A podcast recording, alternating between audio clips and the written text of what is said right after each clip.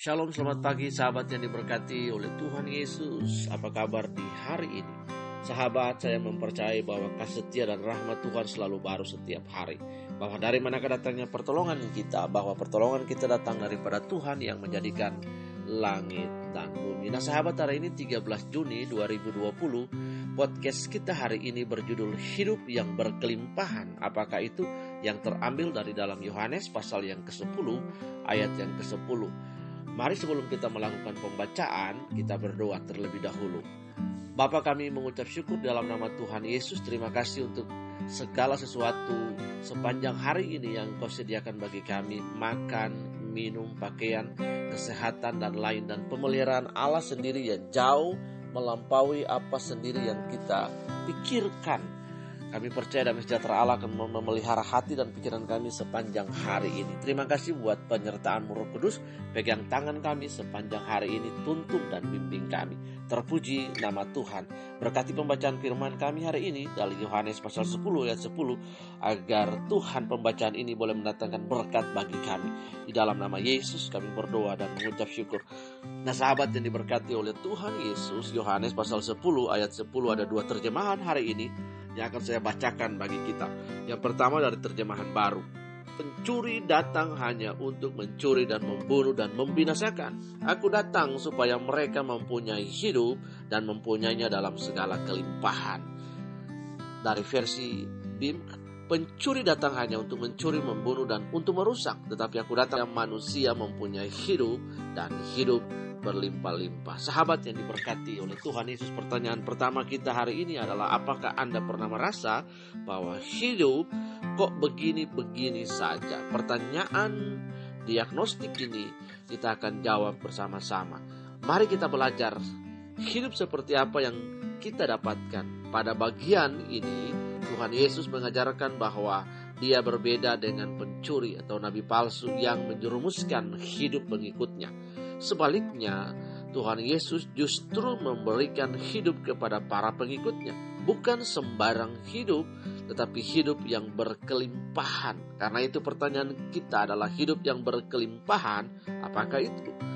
Sahabat yang diberkati oleh Tuhan Yesus. Perkataan Tuhan Yesus ini merupakan penggenapan janji Allah dalam kitab perjanjian Misalnya perjanjian lama, misalnya dalam Yeremia 34, bahwa dia sendiri yang akhirnya akan menggembalakan domba-dombanya karena para pemimpin Israel tidak bertindak sebagai gembala yang baik. Sebagai gembala yang baik, Allah akan memperhatikan domba-dombanya itu satu persatu, merawat mereka, serta menuntun mereka ke tempat yang subur. Pembacaan ini Anda dapat temukan dalam Yehezkel pasal 34 ayat 12 sampai 15 dan Yehezkel pasal 34 ayat 25 sampai pasal yang ke, ayat yang ke-31. Nah, sahabat, jika demikian, apakah ini berarti Allah berjanji bahwa anak-anaknya akan memiliki hidup yang serba berkecukupan dalam materi, bebas dari sakit penyakit, bebas dari masalah? Sama sekali tidak sahabat yang diberkati oleh Tuhan. Buktinya banyak nabi, rasul, dan bahkan Tuhan Yesus sendiri justru mengalami banyak kesulitan hidup dan ancaman dari orang-orang sekitar karena pelayanan mereka. Jadi bagaimana?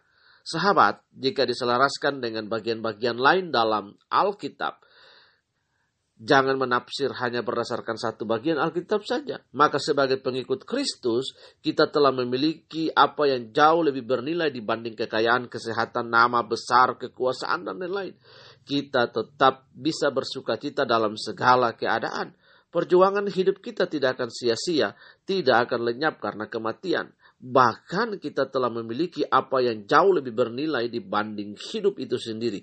Apakah itu?